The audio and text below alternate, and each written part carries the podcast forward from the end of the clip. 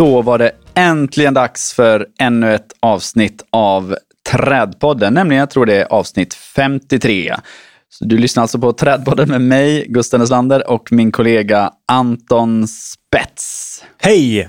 Vad nära du sitter. Ja, eh, är det inte underbart? och eh, jag tror våra lyssnare kommer verkligen uppskatta det. Så här, det, det finns ingen fördröjning mellan dig och mig. Nej. Vi, vi, vi, vi tajmar mycket bättre, synkar mycket bättre. Vi kommer prata mer i mun på varandra. Mm. Som ni hör så sitter vi alltså på samma plats. Det är första gången på hela säsongen som vi spelar in på samma plats, får vi vara ärliga och berätta. Ja, ett fikabord emellan. Mm. Och vi är ju, höll på att säga hemma hos dig, inte, men vi är på ett kontor. Vad fint ni har det, Gustav. Ja, tusen tack. Ja, men det är väldigt kul att få visa upp det och särskilt en sån här dag när vi ska ha fin besök också. Så Just det. eh, mm. Just det. Ja, jätteroligt. Ehm, men du, eh, hur är läget med dig Anton? Det är bra. Eh, det, det, maj är ju eh, hoppets och magsårets tid i, i, i mitt yrke. Okej. Men eh, jag, jag säger det med glädje. Jag väljer glädje. Hoppet förstår jag. Vad, vad beror magsåret på då? Det beror ju på full, full start. Mm. Klorofyllet, jobbet, sandsopet, gräsklippet, vårblommorna. Jag får också en så eh, känsla av att framförallt folk i din bransch, av någon anledning så ska allt liksom vara klart innan semestern. Det- Midsommar. Ja, precis. M- Midsommar är heligt. då, då ska allt vara klart. Mm. Eh, det finns ingen, för det är ingen överhuvudtaget som jobbar på hela sommaren. Eh, Man kan tro att planeringen eh, ser ut så. Så är den ju inte riktigt. nej, nej, men det, mm, Mm. För det, det är ju spännande eh, som konsult att man har otroligt mycket att göra så här Ja, års i maj, som vi är i nu. kan vi förtydliga för er som lyssnar på det här om tre år. Men eh, sen efter midsommar så bara Mm. dör det totalt. Liksom. Ja. Men det är också ganska skönt, för då har vi tid till att typ vara ute och inventera i solen och inte bli avbrutna av mejl och samtal. Mm. Så att, eh, mm, Ja, men, precis. men eh, vad gör du i Malmö då? Eh, hänger med dig Mm. och ska träffa gänget på Movium eh, imorgon. Vad är det för gäng? Eh, ja, slarvigt sagt kanske. Jag har fått möjlighet att sitta med i ledningsrådet för Movium och Movium är SLUs tankesmedja. Ja, vad kul. Träffa kreativa och mycket, mycket kunniga personer. Eh, ja, det är topp, toppen högtid. Om ändå att den ligger i maj, men jag klagar inte. Men har ni gjort något kul i Borås, där i stan, nyligen? Ja, vi har gjort en kul grej. Vi har blivit klara med en grej som är superrolig. Vi har ehm, öppnat vårt nyrenoverade busstorg, som nu inte mer är så mycket busstorg. Okej. Så vi har fimpat eh, fyra linjer, så det är bara två linjer kvar som Okay. får minskar andelen kollektivtrafik. Det låter ju inte bra. hållplatser på torget. Okej. Så de delarna är numera gröna, så en stackars förträngd eh, och förkrympt hästkastanj, eh, den togs tyvärr ner då, eh, men vi har satt 28 nya träd. 10 olika arter. Helt okej utdelning får jag säga ändå. Mm, det känns som en strike. Är det enligt er policy? Såg ni ett träd, ersätt med 28. Ja, just det. 1 på 28. Ska vem inte den? Det kanske konkurrerar ut 330-300 med 21 på 28. Ja, precis. Jag tror också att du utkonkurrerar dig själv. Jag tror alla som jobbar med VA och sånt kommer bara säga, ta bort den där stadsträdgårdsmästaren, Ja. han går för långt. Det finns en risk. Det finns en risk. Nej, men så det är superkul. Det har fått upp det och öppnat det och eh, perfekt till vårvärmen och sådär. Så det, det är kanon. Du då? Hur långt har du rest den här gången? Eh, Ingen skam ska falla på dig. Nej, men jag har varit lite här var. Jag har varit i Stockholm ett par, eh, en, en volta i Stockholm i alla fall. Mm. Ehm, besök på Skogskyrkogården, fantastiskt. Ehm, eh, hoppas i framtiden kunna gå in lite mer på vad vi jobbar med där, men det ska jag nog vänta lite med. Vi är suger på den karamellen, Mhm. eh, med ett spännande, spännande uppdrag där. Kul.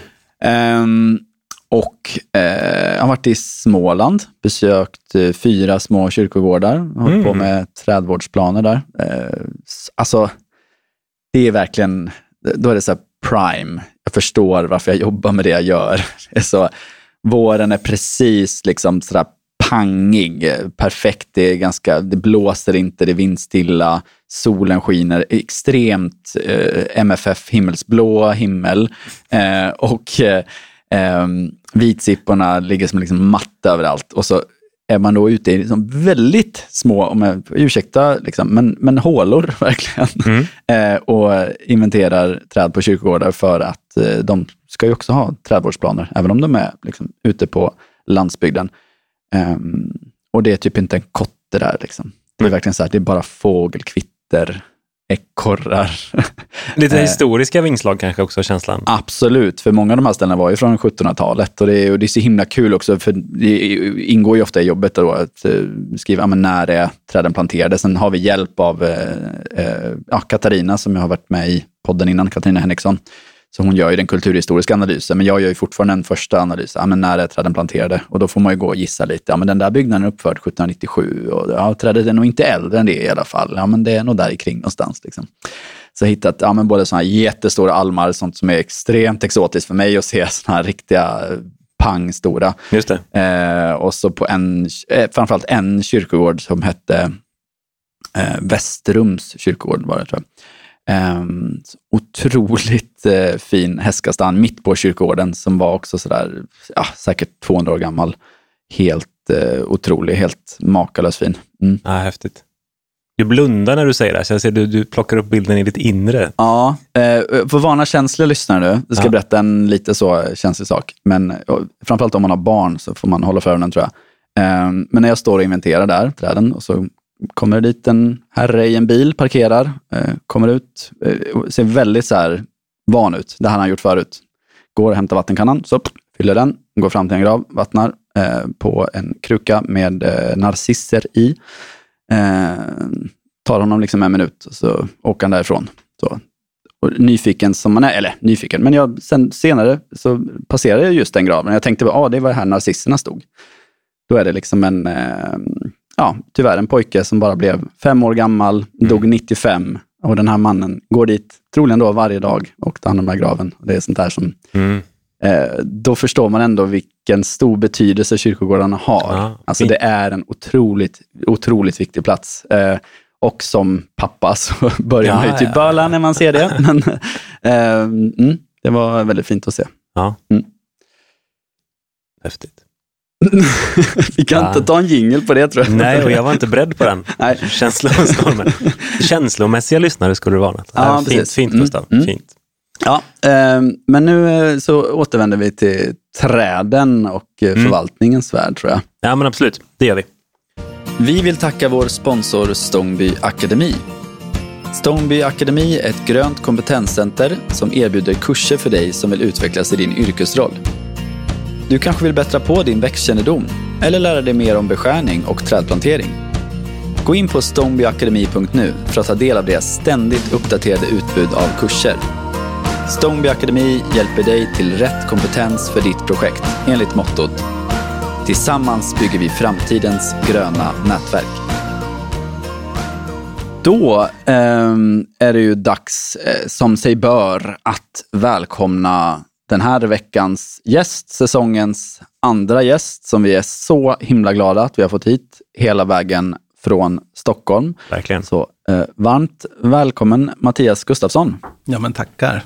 Roligt att vara här. Jag är ett litet fan av er fantastiska podd, så det är kul att eh, få vara gäst här. Fantastiskt. Tack snälla. Kul. Och i samma rum också, härligt. Nu Ja. kan vi snacka riktigt bra här. Ja, ja men precis. Nu, det är det här med tajmingen. Eh, punchlinesen, nu kan vi verkligen sätta dem. Eh, Det är lite skillnad ändå mot eh, Teams. Nå, eh, eh, nog om det. Men eh, Mattias, jag tänkte jag skulle låta dig presentera dig själv helt kort. Men du är ju landskapsarkitekt eh, och kommer från företaget Urbio. Ja, men precis. Jag startade landskapsarkitektkontoret Urbio för 13 år sedan nu. Så börjar bli gammal och grå i gamet. Ehm, Men det har varit en spännande tid att verka i, där landskapsarkitekturen, som jag upplever har fått mer och mer eh, inflytande över vad som händer i våra städer. Och Det har väl varit ett litet mission från min sida att visa på alla de fördelar som, kan, eh, som kommer med en kvalitativ landskapsarkitektur. Mm. Mm. Va, snabb fråga, Urbio. Du har startat företaget, då är det du som har kommit på namnet. Just det. det är en ordlek liksom? Ja, nej, men det är ihopdraget av latinet för stad och liv. Där livet är både en- naturen men också människan som, som en del av naturen. Ja. Eh, Så att främja livet i staden har ju varit liksom en röd tråd att hitta eh, lösningar på. Jag tycker jag ser den röda tråden i dig och eh, företaget faktiskt. Och i det vi gör. Ja, det är fantastiskt. Jag tänker så här, eh, det är nog en del som känner till ditt namn. Och jag upptäckte dig via, vad ska vi, kan, får man kalla det, äh, inte blogg, men du, du har ju skrivit, liksom. du är bra på att skriva. Eh, du skriver debattinlägg eller bara rena artiklar och, och väldigt ofta intressanta idéer som är så här, ah, såklart, det här, här är grejen. Ehm. Ja, men det har väl varit ett litet behov hos mig att få det, som, det kreativa som kanske inte alltid ryms i uppdragen, att få skriva av mig av det där och eh, göra någonting, släppa ut det som små testballonger eh, som, som man aldrig vet var de tar vägen. Eh, för kontoret har det inneburit att vi har arbetat upp nästan som en redskapslåda av idéer, en idébank som vi kan lite grann ta av när, när vi behöver eh, ny, ja, injicera idéer i nya uppdrag som kommer in. Ja. Ehm, Och, och dina texter, det, det är ju sällan en projekt 37 klart, vi planterar 10 träd, barnen är glada. Det är ju inte så dina texter är uppbyggda. nej, men ofta grundar sig i något problem man ser som man Ja. skulle vilja hitta eh, en lösning på och där landskapsarkitekturen eh, bjuder på mycket nycklar tycker jag. Eh, saker som där man ser potential i eh, att liksom tänka lite bredare för att, för att skapa en mer attraktiv och lekfull och livfull stad. Jag, jag, jag tänker faktiskt på vad jag minns, den första artikeln som var så här, ah, det här är en smart person som har skrivit. Eh, jag läste någonting i alla fall, jag vet inte var, eh, i vilket sammanhang, men jag läste, du var en, en av medförfattarna i alla fall, eh, som handlade om just det här, vad ska vi säga, eh, hur mycket vi går miste av på grund av parkeringsnormen, som i sin tur leder till att vi bygger innergårdar på parkeringsbjälklag. Liksom. Eh, att vi gräver ner parkeringsplatser under våra innergårdar. Ja, men det ser ju ut mycket så när man bygger nytt idag att man vill ha bilen ett eh, hisstryck från lägenheten. Eh, och det som händer är väl att vi bygger stadsdelar där människor kommer ut ur bostäderna via bil. Eh, det skapas ju inget gatuliv av att folk kommer ut ur garage i bil direkt, annat än biltrafik. Ehm, och sen så såg ju vi alla svårigheter som det innebär att eh, ordna med grönskande gårdar på gårdsbjälklag. Ja. Eh, det är svårt att fördröja dagvatten. Vad händer med de här stora träden då? När man arbetar med grönytefaktor så premieras stora träd. Vad händer med dem om 30 år när det där bjälklaget behöver rivas av och, och tätas om? Eh, är, är det verkligen det mest hållbara sättet att bygga stad på? Ja. Ganska ohållbart skulle jag säga. Ja. Verkligen. Det är lite roligt, jag som har jobbat med liksom, gröna tak och bjälklag och varit Mm. eh, ganska engagerad där. Ju mer jag har jobbat med det, ju mer har jag ju insett att så här, mm, det är en sak att, att få upp grönska på tak för att då kan, vi kan lika gärna nyttja outnyttjade platser. Mm. Men något som liksom, vi är väldigt beroende av i både klimatanpassning och, eh, och även som korridor för den biologiska mångfalden är ju att vi har grönskande innergårdar. Det är otroligt betydelsefullt. Och eh, I'm sorry, jag har liksom väldigt sällan sett riktigt eh, bra gårdar som ligger på bjälklag. Nej. Nej. Och man kan väl säga att det här med grönytefaktor har tagits fram för att gröngöra bjälklagsgårdar som annars riskerar att bli väldigt hårdgjorda och eh, ogröna. Kan för, för den oinvigde vill jag bara snabbt förklara grönytefaktor. Ja, men precis. Ja, men det var ju någonting. Vi, vi befinner oss ju i Malmö nu. Eh, det svenska startskottet för grönytefaktor, som importerade grönytefaktorn från Berlin, eh, där det var en stor sak på 90-talet. Det exploderade under Bo 01 i Malmö. Tio år senare plockas det upp i, i eh, Stockholm, eh, i norra Djurgårdsstaden. Och där vi, när Urbio bildades då, skapades, blev till, eh, 2010 så var vi en av eh, testkaninerna för grönytefaktor. Eh, de första kvarteren i norra Djurgårdsstaden där som byggdes. Eh, och det är väl en insikt eh, att, att eh, grönytefaktor ändå är av, godo. Att de gröna frågorna kommer i, i centrum när man bygger de här kvarteren. För det är liksom en, en, man måste samla ihop en viss poäng helt enkelt Ja, men för att få precis. bygga. Ja, men det är en, det är en Excel-snurra där man samlar poäng för att gröngöra gården i möjligaste mån. Och ofta bygger det på också att få till ordentligt med jorddjup, vilket är bra. Och sen då plantera stora träd. Jag skulle vilja se någonting innan grönytefaktorn kommer in. Alltså, precis som ni är inne på, lösningen väldigt ofta när vi ska bygga tätt blir ett parkeringsgarage och så är det liksom lösning 1.0 som är accepterad. Eh, Bedömningen innan, den saknas ju i grönytefaktorn, utan man utgår ifrån att det är så otroligt urbant. Så att vi är tvingade att använda grönytefaktorn och då blir det den korridoren som man går i.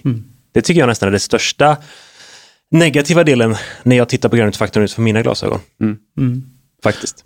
Ja, en annan aspekt har väl varit eh, kritiken kring att eh, gestaltningsfrågorna inte får så stort utrymme, utan det handlar bara om oss, den här poängjakten. Ja. Eh, Ja, och hur bedömer du ett befintligt träd? Har det ett poäng i systemet? Ja, i de flesta grönytefaktorer. För det, och det är en annan kritik kring grönytefaktor, att varje kommun och till och med olika stadsdelar inom samma kommun har olika grönytefaktorer. Eh, så det finns inget sätt att liksom göra en samlad bedömning kring grönytefaktorer, för alla ser olika ut Ja.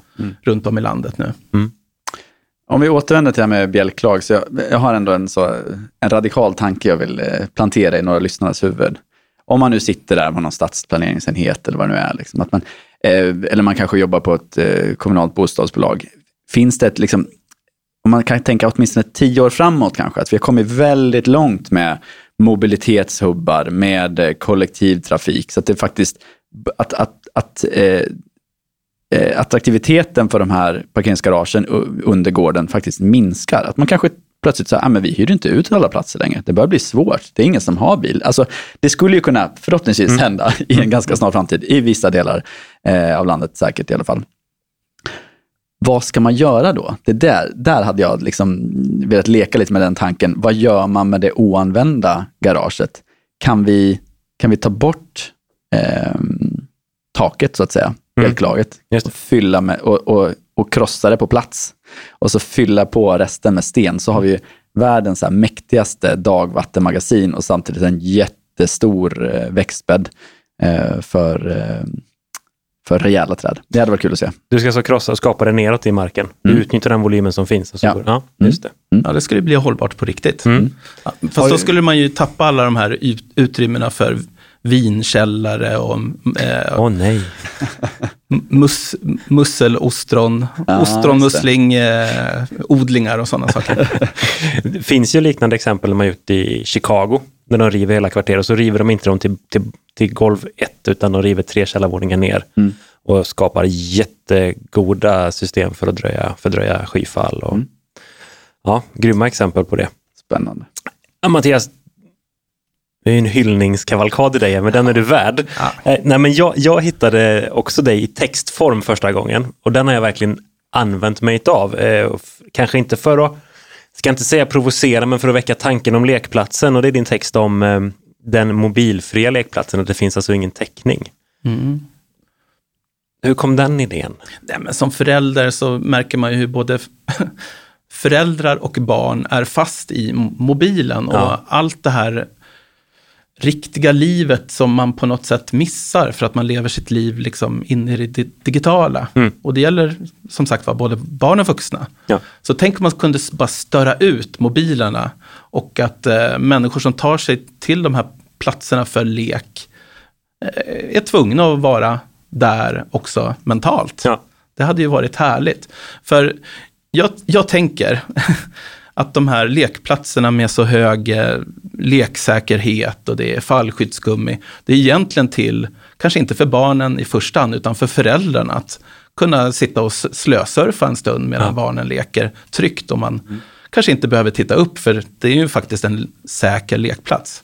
Och, och vad är trygghet i det sammanhanget? Trygghet, ja. Nej, men vi tappar ju någonting. Eh, och det har ju blivit som en störtflod av kritik kring eh, lekplatssäkerhet. Ja. Och som landskapsarkitekt är det ju oerhört frustrerande att jo- jobba med miljöer för barn utomhus. Mm. Ehm, och, ehm, på grund av alla leksäkerhetsföreskrifter. Och eh, ja, ni vet ju också att man, idag plockar man ju då bort lekredskap och har inte råd att ersätta dem. Nej.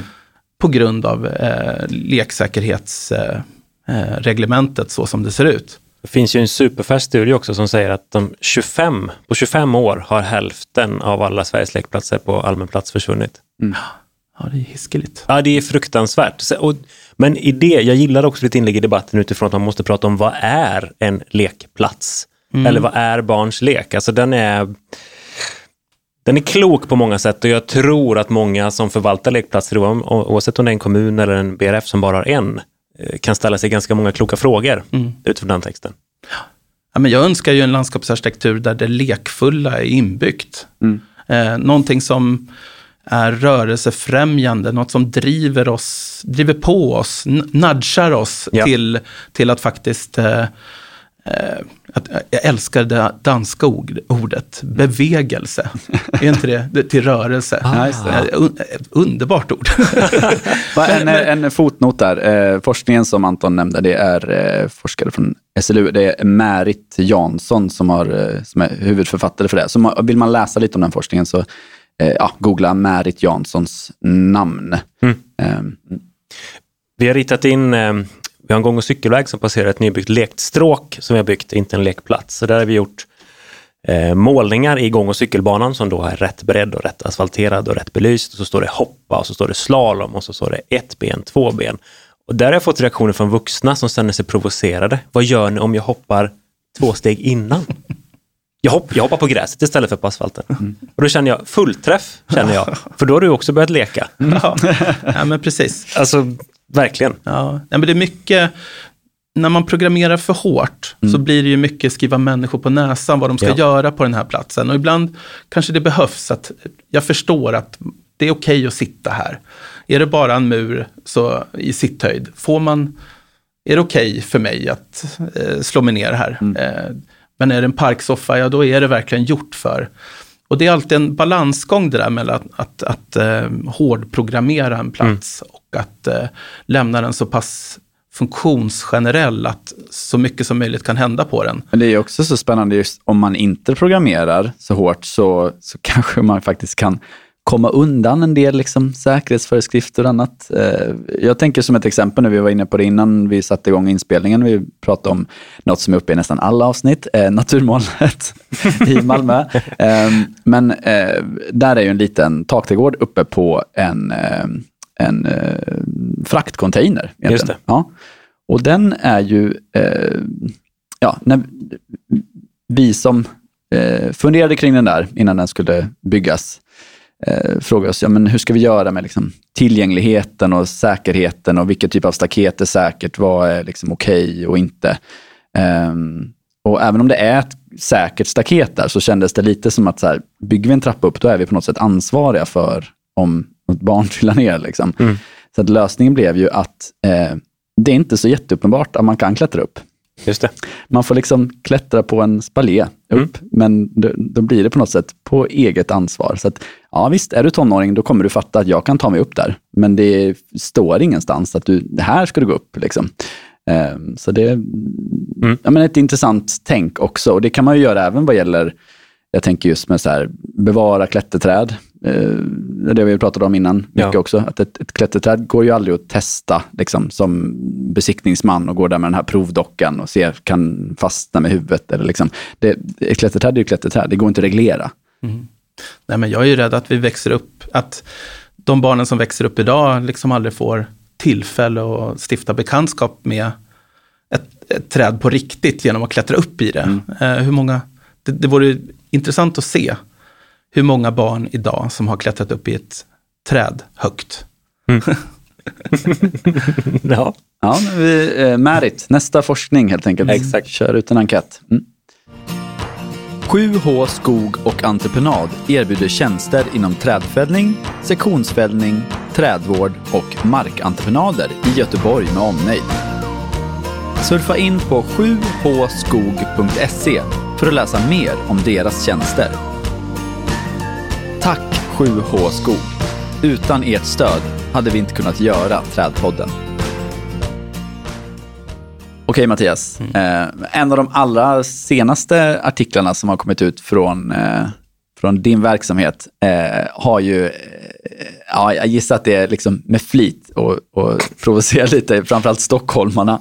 Eh, men ni har ju utmanat något som, som de flesta stockholmare håller allra, allra kärast och det är ju eh, de blommande körsbärsträden i Kungsträdgården. Eh, som vi också har varit inne lite på innan, kanske får löj, lite väl mycket medial uppmärksamhet. För även om det är vackert så är det liksom en vecka per år. Typ. Nåväl, eh, så i, i, en av era, era absolut senaste artiklar så skriver ni att ni föreslår att eh, såga ner de här, byta ut dem mot sälj, Salix Caprea. Ja, men precis. Ja, men det var en artikel om en diskussion kring eh, att, lyft, att våga lyfta lite grann på det inhemska växtmaterialet och göra det lite trendigt igen. För vi, vi har sett hur, hur eh, mycket av våra exoter liksom tar mer och mer plats, speciellt i nybyggda stadsdelar. Och eh, bi biologer har ju viftat med en varningsflagga där kring, eh, liksom, kommer, kommer de här hållbara stadsdelarna eh, bli fågellösa på sikt när, när insekterna försvinner för att insekterna inte hittar eh, växter att leva på. Mm. Eh, och i det sammanhanget så var det ett, eh, ett lass med kollegor som gjorde ett idéprojekt kring Salixen. Eh, Salix caprea säljen och eh, att börja möblera eh, stadsrum. Och då gjorde vi den här lite provocerande bilden med eh, Kungsträdgården med eh, utbytta eh, träd. Och vi tänker väl inte att vi ska såga ner dem imorgon, utan kanske nästa gång man byter ut dem, vilket kommer ske Ja, kanske om 50 år då. Ja, det är ju körsbär. De byts ju ut. Liksom. Ja. Det är ju inga, det är inga långlivade. Nej, de där all... är ju planterade, man tror att det är någon sån här, oh, det har alltid funnits där, men vad är de ja. ifrån? Typ 99 eller något. Ja. Alltså, det är ju inte länge sedan.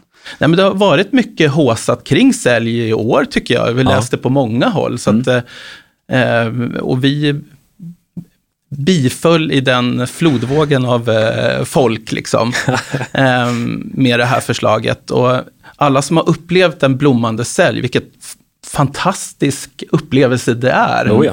eh, det surrar bin, det surrar eh, fjärilar och eh, fåglarna är där också och hämtar in insekterna som... Ungefär i samma period som körsbären blommar också ja. dessutom. Men det är ju en monokultur ni har föreslagit. Ja, det är det. och där är det väl där historiska kontexten också med de här alléerna i Kungsträdgården. Hade vi Ja, precis. Mm. Um, jag tycker bara det var, alltså faktiskt den bilden var ju så läcker, för aldrig har jag sett på sälj på samma sätt. Just det här med att ni har illustrerat det som det här eh, krontaket med extremt gul blomning. Alltså så ser man ju sällan säljen, utan den är lite här och där eh, frösådd. Liksom. Ja, precis. Ja, men den har ju verkligen ett epitet som någon slags eh, strykträd. Eh, Skräpträd. Sly. Ja. Men, eh, och den blir ju heller inte speciellt långlivad. Eh, men en sån här riktig eh, bukett med säljstammar, mm. det är ju någonting fantastiskt. På tal om det, alltså, det borde du, eller vi, kanske skriva någonting på. Jag känner en fransman, han är gift med en av mina väninnor. Sly finns inte på franska. Mm. Känn lite på den. Ja, just det. Mm. Okej, vad ska vi göra om vi inte hade ordet sly? Exakt, ja. eller säger det någonting om svenskens syn på natur? Ja, slyet ska ju bort. Alltså, Exakt. det, är, det är ju ja. inte bra. Nej, nej, nej. Mm. Sly och trygghet. Ja. Och bryn, alltså på något sätt, ja. i vår kamp och iver mot slyet så ja. förstör vi mycket brynområden också, tänker jag. Ja, ja, ja, mm. Absolut. Alltså, jag, jag skojar inte nu. Jag har alltså ett, vi har ett investeringskonto som heter Trygghetsfrämjande slyröjning. Mm. Nu skakar jag på huvudet här. Alltså, men det är så, det är så tokig missuppfattning. Du är inte så rädd om ditt jobb, va, Anton? Eller? Det är allmän handling. Har det kommit fram i skogsbruket? Ja, men kanske. Mm. Eller är det ett gammalt svenskt ord? Jag vet inte. Sly. Sly. Ja. Jag vet inte var det kommer ifrån. Det, det, krävs tolv att gräva sig. På mm. tal om diskussionen kring skräpträd. Ja, verkligen. Nej, men jag tycker, eh, om vi återvänder till eh, säljen där, så hade ni ju också, en- eh, liksom, eh, ni hade ju en säljkampanj kan man säga. Eh, många ordvitsar också med Ja. sälj. Eh, men då var det, nej, men något jag gillade också var det här konceptet att eh, väva in säljen som eh, en av alla växter som fungerar bra i liksom, ska man kalla det, moduler med utemöbler, sådana som man ser på sommargator och andra platser till exempel. Eh, för där, det är ju dels en sån sak som jag kan bli lite provocerad av, det här med eh, liksom, att vi, vi satsar på så temporär grönska. Där lägger man massa pengar på att man planterar träd i krukor. Eh, som vi vet, de kan ju omöjligt ge lika mycket ekosystemtjänster som trädet som står i backen med en ordentlig växtbädd och kan bli stort och gammalt. Liksom. Ehm, men däremot så förstår jag valet av sälj i den situationen. Uh, vill du försvara den ytterligare? Ja, nej men säljan är ju en fantastisk växt på många sätt och just hur stryktålig den är eh, är ju rätt eh, häftigt. Eh, men sen det där med våra sommargator där man eh, ställer ut de här krukorna med eh, träd och så vidare. Ofta tror jag att det är liksom startskottet på en, eh, en grön rörelse. Att, eh, när människor upptäcker de här sommargatorna, hur, hur eh, härligt det är när det blir mindre präglat av eh, plåt Mm. på, på hjul. Mm. Eh, så, så tror jag att det kommer leda till mer permanentade trädgator för människor Mm. istället för biltrafik Det var ju, på sikt. Blir inte monarki igen, måste vara lite monarki också. Det var bland det mest, eh, alltså man, såg man inte kung Charles under kröningen så vill man gå på de avstängda gatorna i London. Ah, okay. mm. Så det får en god sak med sig, Ja, om man tycker något annat om monarkin. Eh, men jag kan väl, det, det, jag, jag kan förstå vad du säger Gustav kring att man kanske lite slarvigt sätter träd i krukor och så säger man check i någon form av box. Så här, eh, ett träd i en kruka kommer aldrig kunna klassas som en naturbaserad lösning. För vi, där har vi inte härmat, härmat naturen. Där Nej. har vi inte dragit nytta av eh, hur naturen skulle ha löst ett problem. Men, Vi, vi har, vi har, det är lite så clownsminkning. Liksom. Ja. Mm. Vi har målat på oss ett leende. Så. om man, om man enbart snör in på ekosystemtjänst och naturbaserad lösning, Ja. lyfter man de sociala värdena i det, som du kanske är inne på Mattias, då får man ju någonting annat. Jag tänker på Bosk, The Walking Forest, som vi fick en dragning för några, Ja. för några veckor sedan. Det är ju provocerande om något.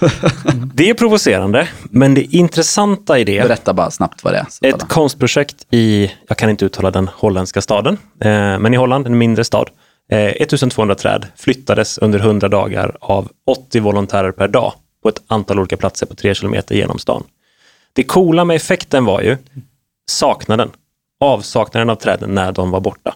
Man upptäckte under några kvällar, heta sommarkvällar, jag kan sitta på gatan mycket längre, jag får skugga, jag träffar mina grannar. Träden var borta. Nästa dag, nej, jag vill ha tillbaka dem.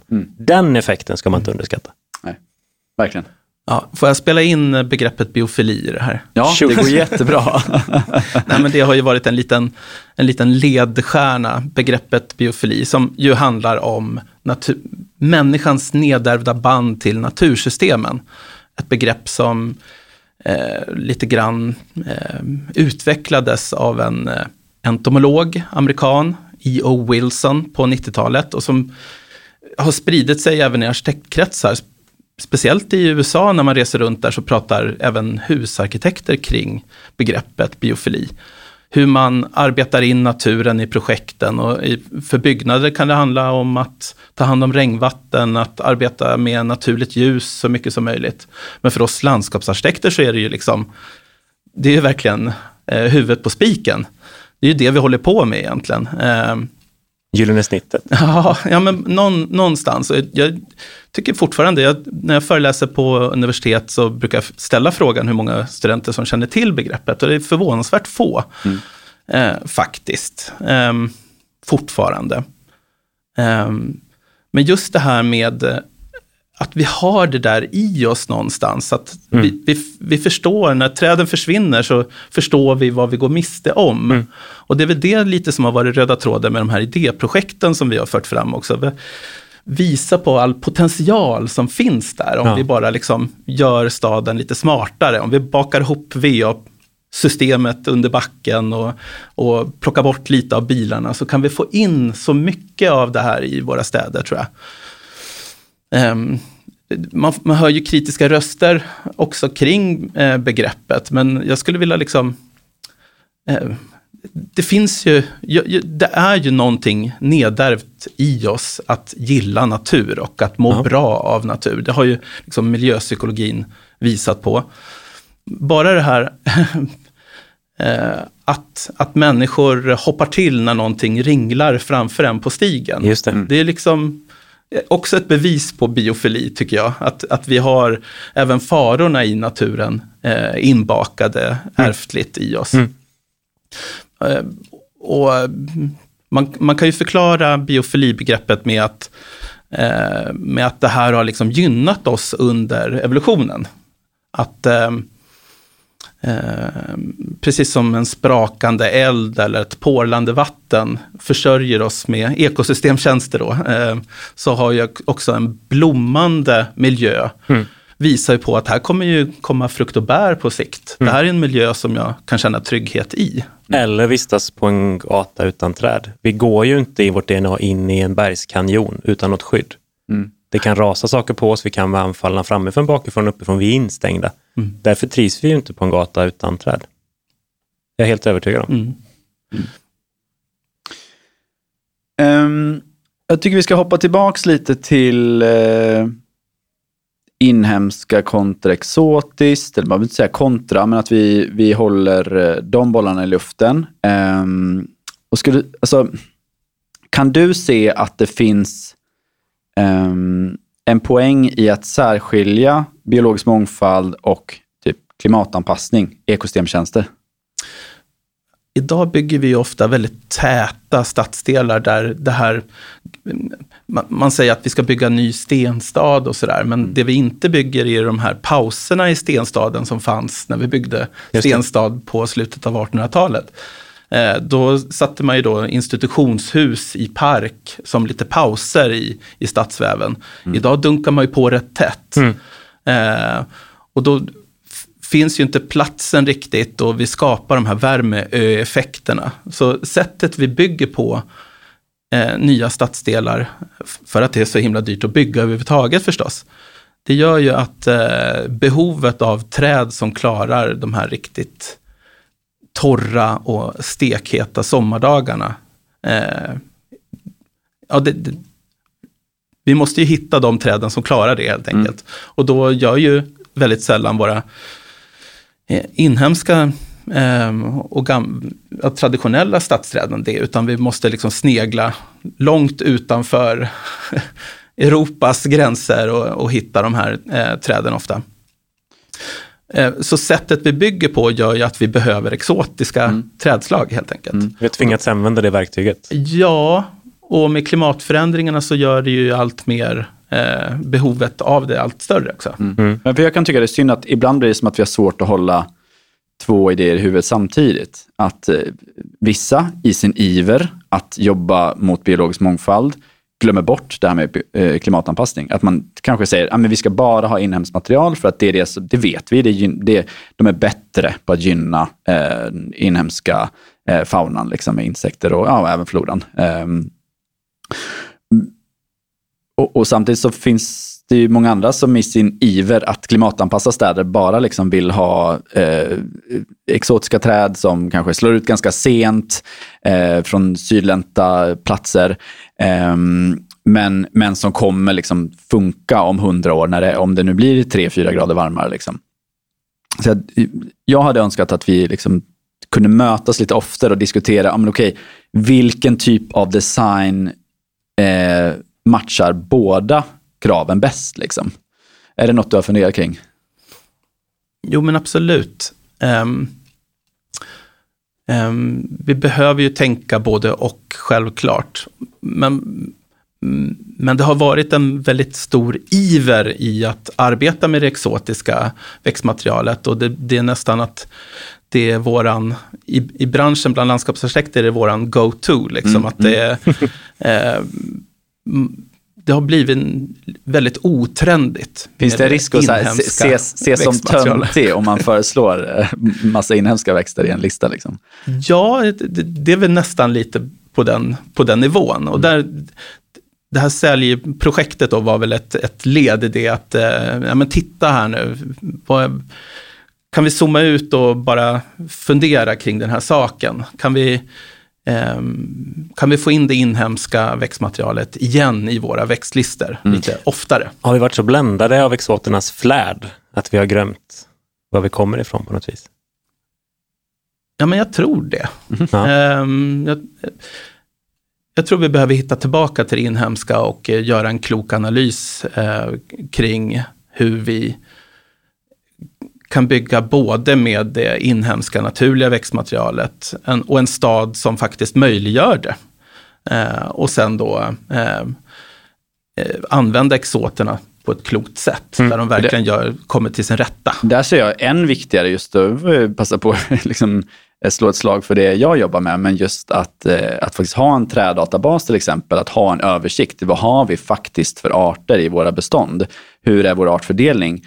Eh, och många gånger när man granskar en trädatabas som, som är liksom komplett med bra information, det visar sig att det är ju kanske 90 procent av träden eller ännu mer eh, i, i, en stad som faktiskt är inhemskt. Så att, eh, många gånger tror jag vi har liksom gått och, och, i och med att det är väldigt trendigt med exotiskt eh, och att det pratas mycket om det som ett grepp i klimatanpassningen, mm. att man också börjar tro att så här, ja, men det finns bara exotiskt i städerna. Men det, det är ju väldigt, väldigt långt ifrån sanningen.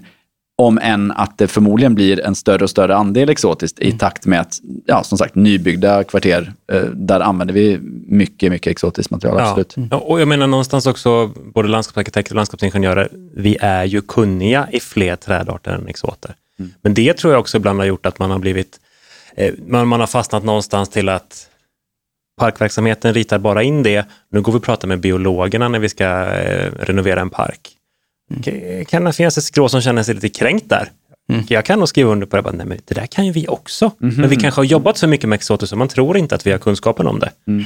Och det där är nog jätteviktigt att trycka på fördelningen mm. i staden. Um, och någonstans också ha tro på Övervänder man någonting, vi ska ju använda exoterna precis som du säger Mattias, där de verkligen behövs. Eller det, det intressanta, tänk att använda fåtal exoter för att lyfta upp inhemskt material för att du skapar kontrasten. Mm. Jag har en dröm om eh, kopparbjörk framför eh, helt vanlig fjällbjörk. Kanske i ett bestånd av hundra så är det tre som är kopparbjörkar. Mm. Bara den, alltså det är så basalt enkelt mm. egentligen. Mm. Ja, men vi pratade ju om bryn här förut. Och eh, att, att gå till hagmarkernas eh, växtkompositioner och titta vad alla de fantastiska buskarna som står där och som också, om man, om man, det är roligt att titta på till exempel svenska fjärilar. Vad äter larverna mm, ja. till våra svenska fjärilar? Ja, det är mycket av de här hagmarksväxterna och eh, eh, ängsväxtligheten. Och det är det vi behöver fylla på med också mm. eh, i, i städerna. Sen, jag är inte emot exoter, jag bara säger att vi behöver, vi behöver tänka både och. Mm. Och samtidigt, många tror jag skulle kunna säga, men eh, eh, nu sa vi att jag skulle ha en roll, nu tar jag en annan, men många skulle kunna säga så ja men eh, vadå, eh, biologiska mångfalden den kan ju vara i naturen. Liksom. Den är ju orörd, typ. men det är den ju inte. Det är det som är problemet. Och grejen är att vi har ett så otroligt ansvar, för det är ju väldigt mycket av den biologiska mångfalden är beroende av våra städer. För det är där vi har störst eh, mångfald av arter. Mm. Eh, det är där vi har liksom störst mångfald av eh, boplatser och annat. Och dessutom i takt med att vi har skogat av liksom, ja, de flesta skogsområden i Sverige, så där vi hittar gamla träd. Och det är de som är de absolut viktigaste för många av de hotade arterna. Mm. Alltså gamla träd med död ved, med grov bark med mera det är ju i stadsmiljöer. För det, ja. det är där vi har sparat dem. Ja. Sen, jag känner kanske lite också i debatten som sker nu så är det väldigt mycket hänvisningar till väldigt få genomförda fältstudier. Mm. Mm. Absolut. Det, det behövs göras mer studier där man också tittar djupare på exoter. Mm. Om man kan på något vis jobba med någon form av interpolering, jag kan inte det så bra, men alltså att man verkligen utvärderar så att man kan försöka titta på ett väldigt, väldigt gammalt träd också. Vad händer lite det som att naturen är i princip oförstörbar, mm. som vi pratade om att den här boken talar om.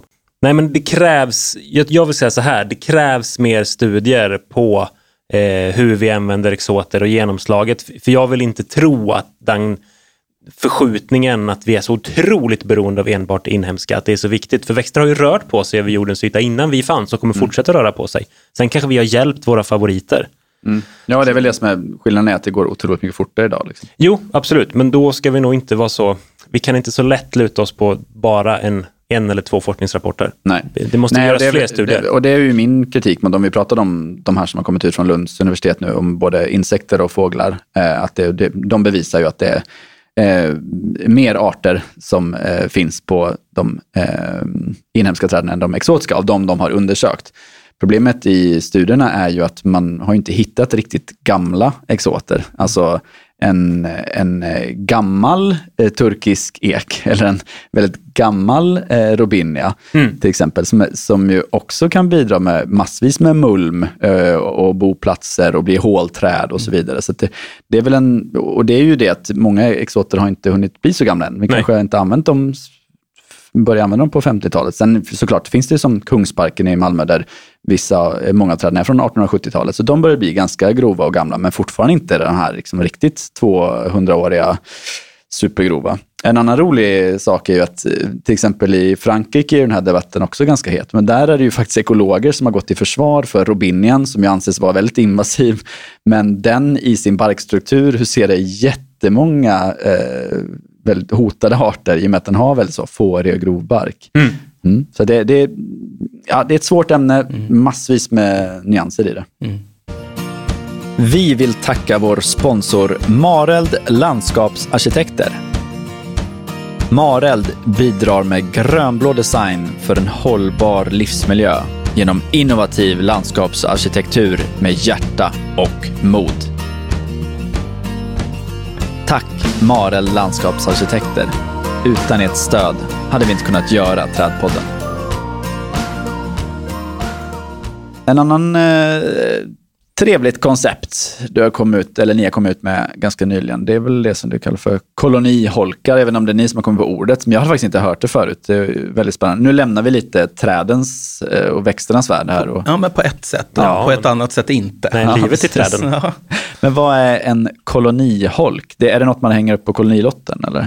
Ja, precis. Ja, men under vintern här har jag hållit på och eh, fulsnickrat hemma i källaren utanför i trädgården i vintermörkret.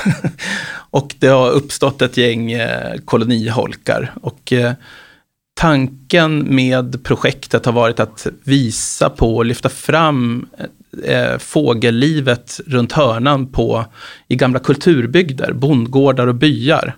Eh, det gänget av fåglar som har tagit rygg på mänsklig aktiviteten och eh, eh, nyttjat det landskapet som bonden har, har gjort genom att bruka landskapet. Eh, och det har varit eh, allt från hussvala till tornseglare till eh, stare och fladdermöss. Lite grann gråsparv.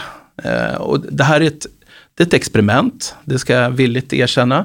Eh, men det är ju lite så att de här fåglarna häckar i kolonier då, tillsammans. Okej, Och så det är därifrån ordet Ja, koloni precis. letas in i det hela. Exakt. Ehm, och ehm, ehm, de här, det blev en utställning, det blev texter. Det, det var inte tanken, men det blev så. De ställdes ut på ett litet arkitekturgalleri på Södermalm eh, några veckor. Eh, men nu har de åkt upp på den gården som jag och min fru har nere i Östergötland. Mm.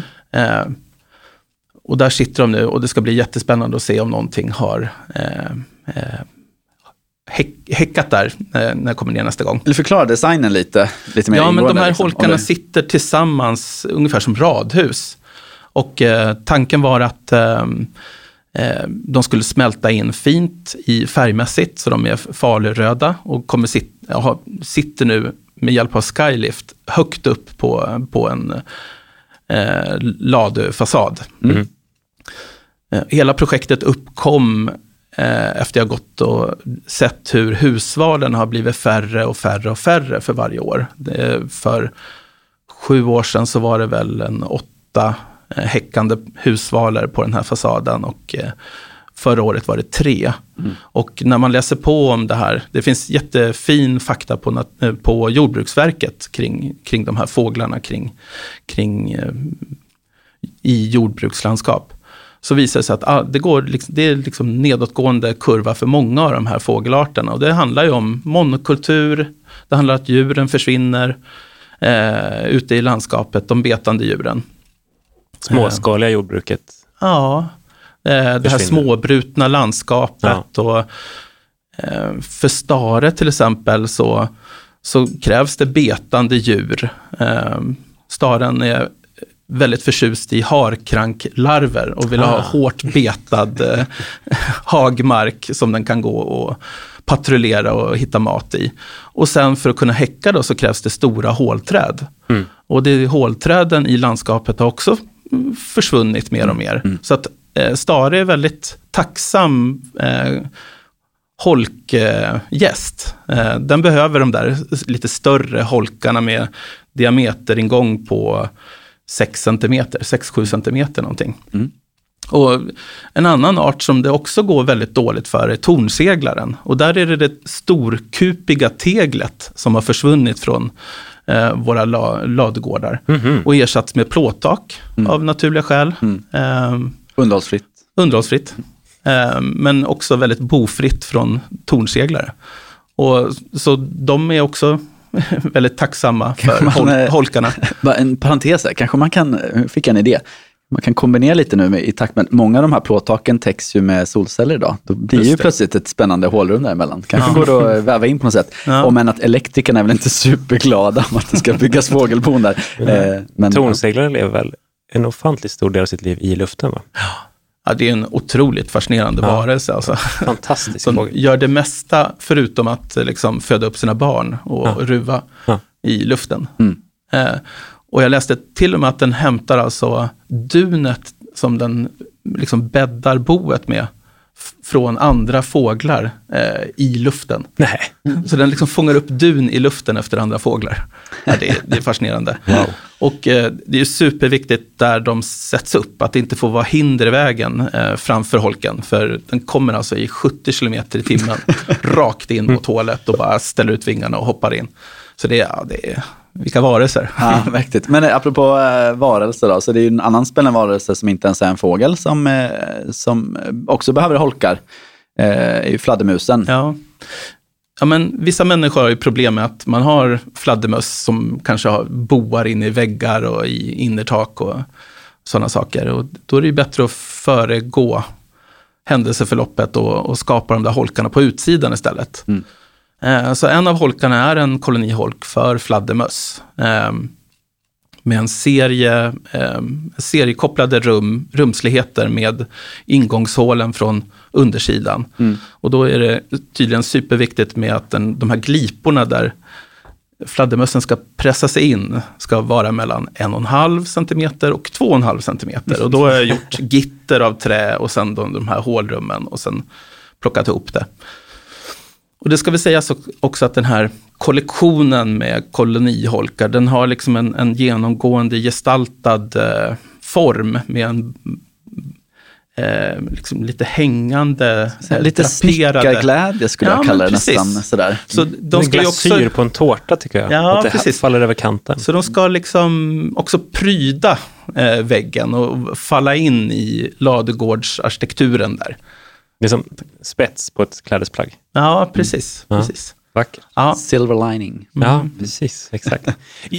Jag tror du är inne på en jätteintressant grej där också Mattias, utifrån att kanske en spaning där i och för sig, men jag tror att det finns, börjar komma en trötthet eh, kopplat till klimatkris, kopplat till vi måste satsa på ekosystemtjänster, vi måste satsa på det ena och det andra för att överhuvudtaget klara oss. Vi måste ju kompaktera och sälja det här på ett mycket bättre sätt, eller paketera är väl ordet jag säger. Och det här gör ju du mycket klokt i det här, utifrån att du också tar ett gestaltningskoncept och sätter fingret på ett problem. Alltså vi måste göra så mycket, mycket mer. Som, som Bosko som jag pratade om innan, det är precis samma grej. Det är ingen som orkar höra på klimatkrisen snart. Man stänger liksom av. Samma trötthet som förmodligen snart kommer komma om Ukraina-kriget om det inte redan har börjat. Vi måste paketera det. Att möta konst, att möta gestaltning, Jag tror det är en livlina. Ja, det här koloniholksprojektet var ju ett sätt att tackla min egna vintertrötthet och eh, någon sorts hopplöshet inför framtiden. För mm. precis som det finns det väl det här kinesiska eh, ordstävet att den som har planterat ett träd har aldrig levt förgäves. Mm. Och det, det är väl inte likadant med att sätta upp en, en fågelholk, men det finns ju en, någon slags hoppfullhet i det. Ja. Att, att, eh, liksom en, en, tro på framtiden. Och jag tror att det är just den berättelsen som vi behöver tillsammans skapa för oss mm. här. Mm. Hur, hur gör vi hur gör vi en värld som är, kommer vara dräglig för våra barn och barnbarn att leva i? Ja. Och eh, liksom att få med sig så många som möjligt i en rörelse framåt, att hit, hitta till det här hoppet. För jag tror den här hopplösheten, det är nog det farligaste mm. som kan infinna sig. Och mm. just nu kring all trötthet i de här frågorna, ja. det behöver vi liksom, vi behöver gjuta in mod och, och ett jävlar anamma ja. och nu, nu tar, tar vi tag i det här. Mm. Och, visa på små lyckade fragment ja. i någonting som är nattsvart emellanåt. Ja. Mm. Ett sånt test som man borde göra om man tvivlar på det här, eller är helt nollad inför biofili överhuvudtaget. Ta på ett par lurar med eh, noise cancelling och så gå ut halv fem en morgon i maj. Och så tänker man på Tyst vår, boken Tyst vår. ah, just det. Ja, alltså, det är skitläskigt. Ja. Nu var jag lite dystopisk ja, igen då, men alltså, ja, Ja, men det, det, är inte förrän man har förlorat någonting som man börjar sakna det. Exakt. Mm. Och vi lever i en tid när allt det där finns just nu. Eh, men eh, vi behöver hålla i. Mm. Mm. Och eh, kratta manegen för att eh, vi kommer leva i en hoppfull och livfull och lekfull värld även i övermorgon. Oh ja. Jag tycker att vi eh, liksom slog huvudet på spiken här, verkligen, och hittat perfekt läge att börja runda av intervjun på. Ehm, men vi brukar alltid fråga våra gäster eh, om man har något kulturtips. Är det något som du sitter på sådär? Kulturtips? Ja, men en bok som har varit väldigt inspirerande för mig är Alan Wiseman som för ja, många år sedan nu skrev en bok som heter Vad händer med världen utan oss?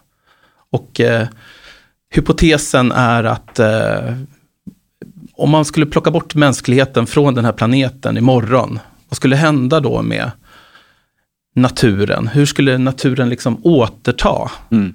Eh, och han intervjuar massa forskare och, och landskapsarkitekter och, som då eh, berättar om liksom alla de här naturprocesserna som skulle vandra in och ta över industriområden och sta, stadslandskap. Och, mm.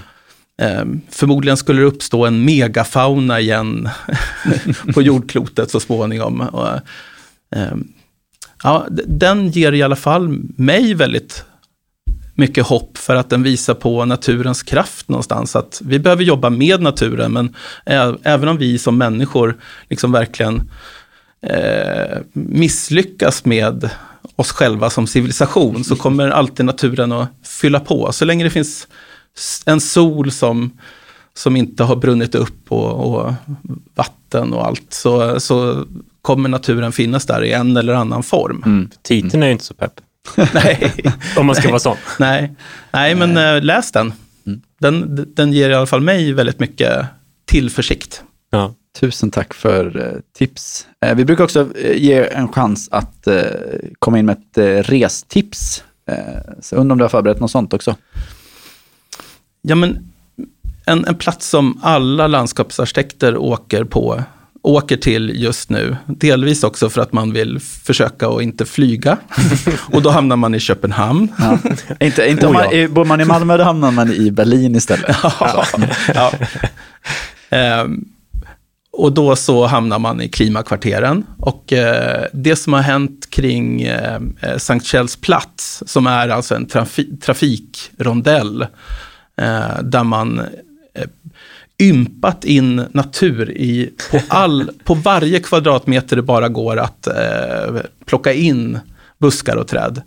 Eh, och där har man väl realiserat det här med kvartersskog fullt ut. Och det ska, jag har varit där ett par gånger nu och det är alltid så här med, man ser hur bilarna snurrar fortfarande runt i trafikkarusellen, men samtidigt så sitter det folk och fikar och det är någon mamma som har stannat till med barnvagnen och sitter och ammar tre meter från biltrafiken där och fåglarna kvittrar. Ja. Så det, det, det ger också en bild av vad staden kan vara, som utmanar tycker jag. Så att alla stadsplanerare, alla trafikingenjörer, alla VA-projektörer borde åka och bara se att ja, men det här går, vi kan. Och bli lite provocerad också. Ja, och eh, det ska ju bli väldigt spännande att följa det här projektet nu under åren. Hur träden tar sig, hur buskarna fyller på underifrån, hur man kanske börjar jobba med stamverkan och Ja. flyttar upp kronor. Och, och, det, man har liksom planterat en process och det ska bli spännande att se vad, vad slutresultatet någonsin blir där. Det kanske är fortsättningen på, det finns ju en planeringsprincip som är dansk, som är, har några år på nacken, som talar om smörrebrödsprincipen. Att bygga en stad som är så tät utifrån så tät hur, hur vi lever i den. Som en liten, liten macka. Nej, men eh, tänk dig, du cyklar till ditt jobb eller till din förskola med dina Ja, barn ja. och så får du smörrebrödsdoften och så bara, jag ska köpa med mig lite smörrebröd till kontoret eller till jobbet eller till förskolan. Den viben och den känslan, lyckas vi skapa den stadsmiljön så vill vi leva i den. Eh, den här stadsskogen kanske är utvecklingen av den. Mm. Alltså doften av kanelbulle i stadsskog. Mm. Fattar ni eller? Ja, men vi, vi pratar ganska ofta om att man borde bli mer dansk i sin planering. Ja. Jag, Kanske är lite jag håller inte uttjatat. alltid med kan jag säga. Jag tycker det är mycket, de, mycket vi i Sverige gör mycket, mycket bättre än danskarna. Men, Jo, men vi är så förbannat tråkiga. Ja, det, men det håller jag med. Gång och cykelvägen ska vara ja. två och en halv meter. Mm, ja, precis. Man får Annars blir det ingenting. Det blir ingenting. Det är men därför det är så som- trevligt att bo i Malmö. Det är det här perfekta mellanting. De har den danska anarkin men också den svenska eh, funktionaliteten. Mm. I like. Nej, men det, det som är roligt där med klimakvarteren är att man har löpt linan ut. Man har tagit ett koncept och bara genomfört det. Och nu, ja, nu, blir det, nu fyller stadslivet på och det blir någon slags... Eh, man har vågat. Ja. Och det, det är befriande att se. Och- Och det är löv, det är barr, det är busk, det är, det är flerstammigt, det är enkelstammigt. Alltså, det, är, det är allt. Extra allt. Extra allt. Åk dit och bli antingen inspirerad eller provocerade. Jag har också varit där några gånger och haft förmånen att diskutera just övergångsställen, cykelbanor och eh, det heter väl syntriangeln va? Eh, kring trafiklösningar med trafikingenjörer. De- De är chockade. Men, men samtidigt ser du inte som en bilist, du lugnar ju ner dig. När du inte ser, du kör ju inte fortare för den sakens skull. Nej, vi måste väl bara sätta ner foten och bestämma oss om vi vill bygga mm, ett habitat för människor eller ett habitat för bilar. Ja. Vad är viktigast? Ska vi säga så? Vi gör det. Det gör vi. Tusen tack Mattias. Eh, fantastiskt roligt att- att ha med dig i Ja. podden. Så himla kul att få vara här. Grymt. Fortsätt med det du gör. Det är Ja. viktigt och du gör det bra. Ni också. Tack. Ciao! Hej. Hej.